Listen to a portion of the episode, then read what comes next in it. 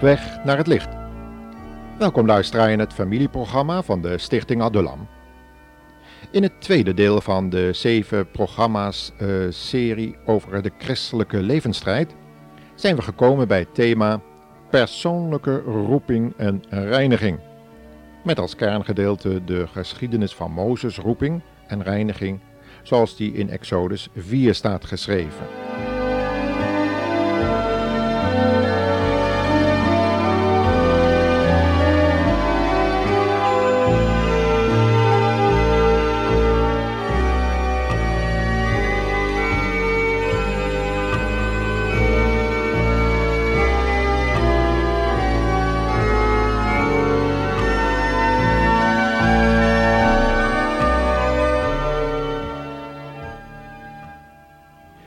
In ons vorige programma hebben we een overzicht gekregen over de ervaringen die wij als christenen allemaal kunnen hebben op onze levensreis op weg naar het licht, de hemel, de Heer Jezus.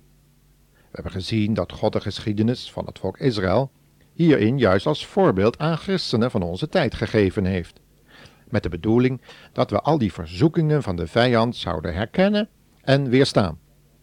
Dat zo'n overwinningsleven mogelijk is, blijkt uit de opdracht van God, uit eh, bijvoorbeeld, leest u maar mee, Jacobus 4, vers 7, waar we lezen: Onderwerpt u aan God en verzet u tegen de duivel, en hij zal van u wegvluchten.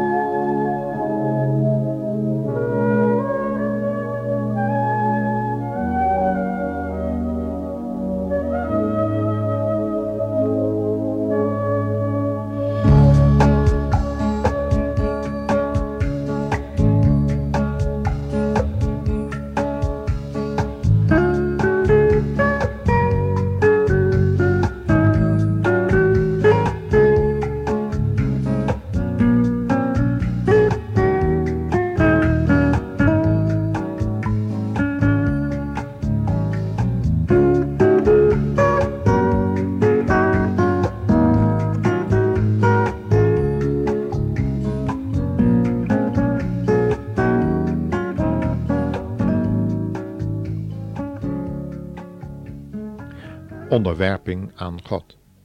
Het is dus noodzakelijk om de vijand te kunnen weerstaan, want in eigen kracht kunnen we dat niet. Iedere christen heeft dat kunnen vaststellen. Daarom heeft God ons allemaal opgeroepen om ons te bekeren en tot God om hulp en genade te smeken. God weet immers dat niemand zichzelf kan verlossen. We zagen dat al in de slavernij van de Israëlieten, die door de farao van Egypte, beelden van Satan en wereld, gebonden waren.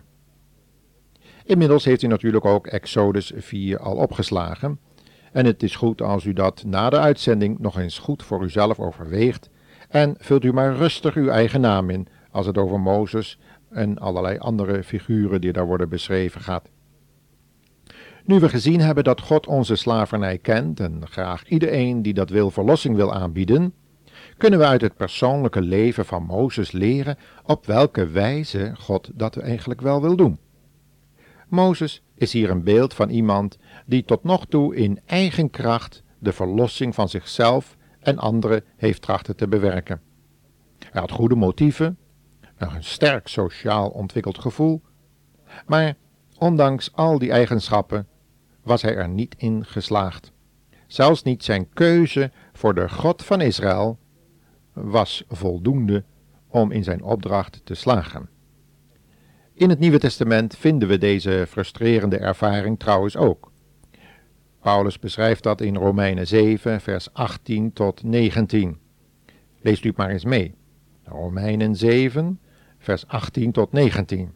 Misschien is het wel goed als u een blaadje met een pen daarbij gebruikt bij deze uitzendingen.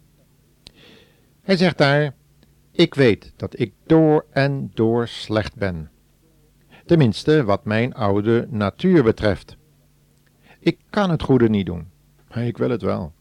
Maar ik kan het niet. Hoewel ik het goede wil, doe ik het niet. In plaats daarvan doe ik het slechte. En dat juist wil ik niet.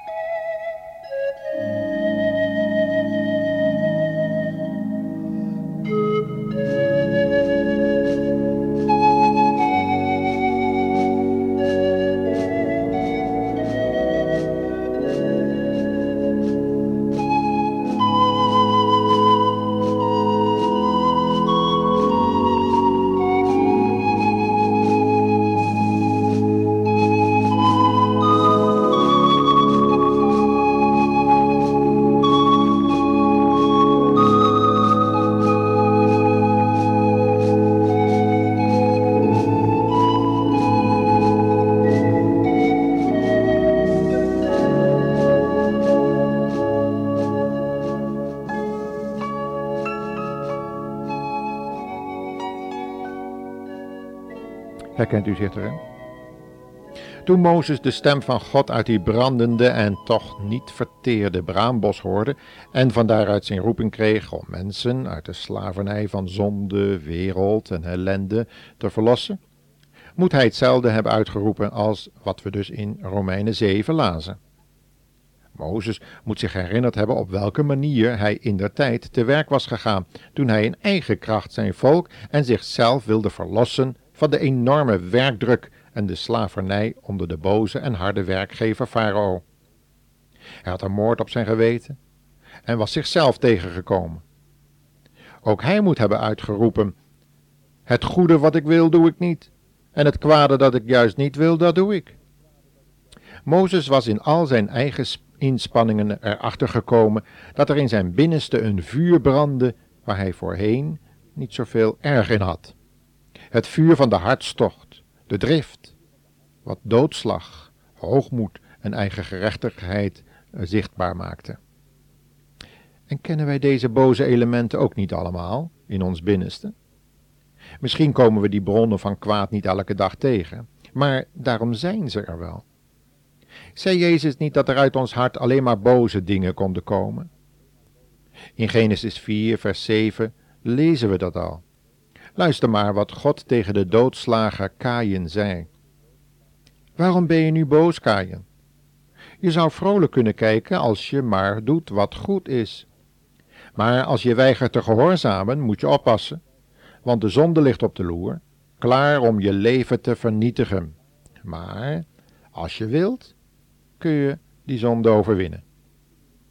Eigenlijk laat God hiermee zien dat er een oplossing voor elk probleem is, als je maar bereid bent om God dat probleem voor te leggen.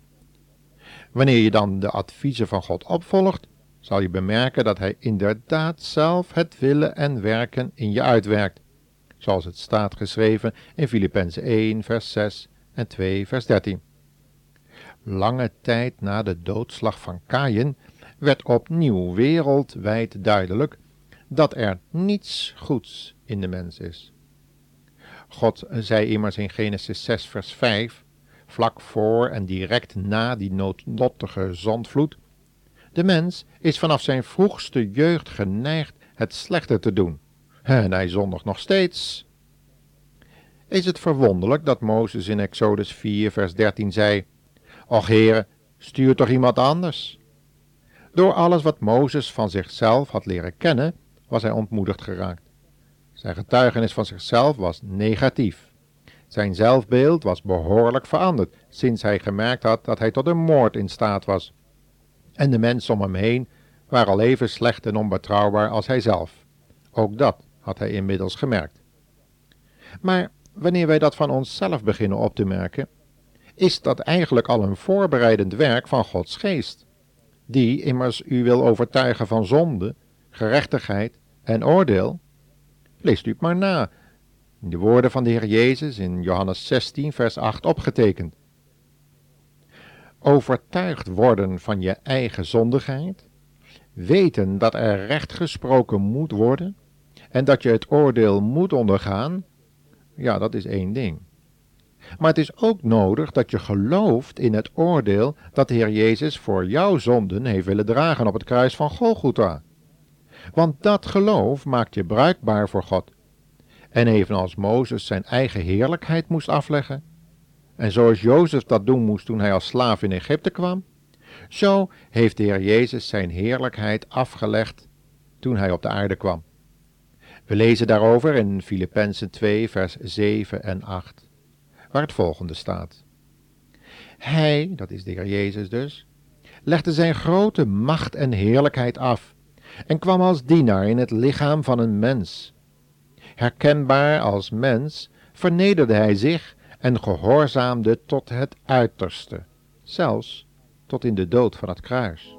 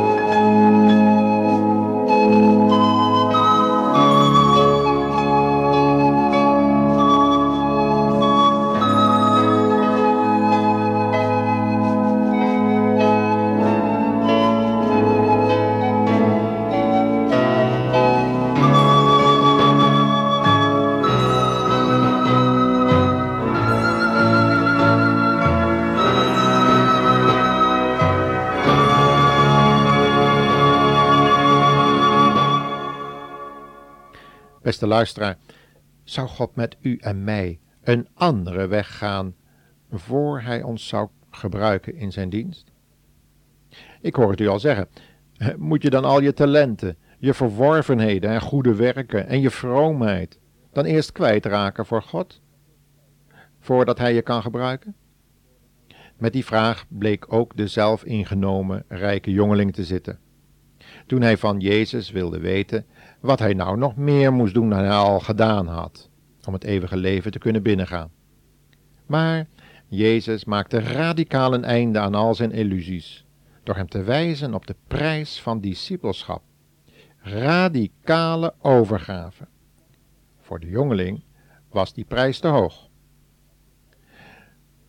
radicale overgave?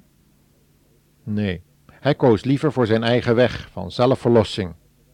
Een weg die eindigt in de hel, de vernietiging van alle mogelijkheden die je nog hebt. Maar er is nog een prijs die betaald moet worden voor de Heer Jezus ons kan gebruiken. Toen Mozes eindelijk overtuigd was geraakt van zijn roeping en de wondere daden van God met eigen ogen had gezien, en die immers ook moest tonen voor de ongelovige Israëlieten en de farao van Egypte, gebeurde er iets merkwaardigs. Onverwacht, schokkend. We lezen het in Exodus 4, vers 24. En het gebeurde op de weg, in de herberg, dat de Heere Mozes tegenkwam en hem zocht te doden.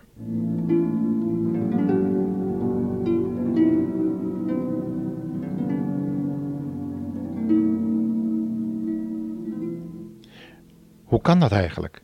Dat is toch onbegrijpelijk? Hoe kan God dat nu doen? Maar het antwoord vinden we in 1 Johannes 3, vers 3.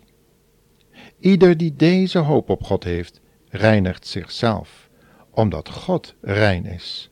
En dat was nu juist wat Mozes vergeten was te doen: zichzelf reinigen van een kwaad geweten. En met deze opmerking wil ik graag deze programmaserie afsluiten, althans dit deel. Onderzoekt u zelf. En we nodigen u uit om naar de volgende uitzending naar het verloop van de geschiedenis te luisteren. God zegen u.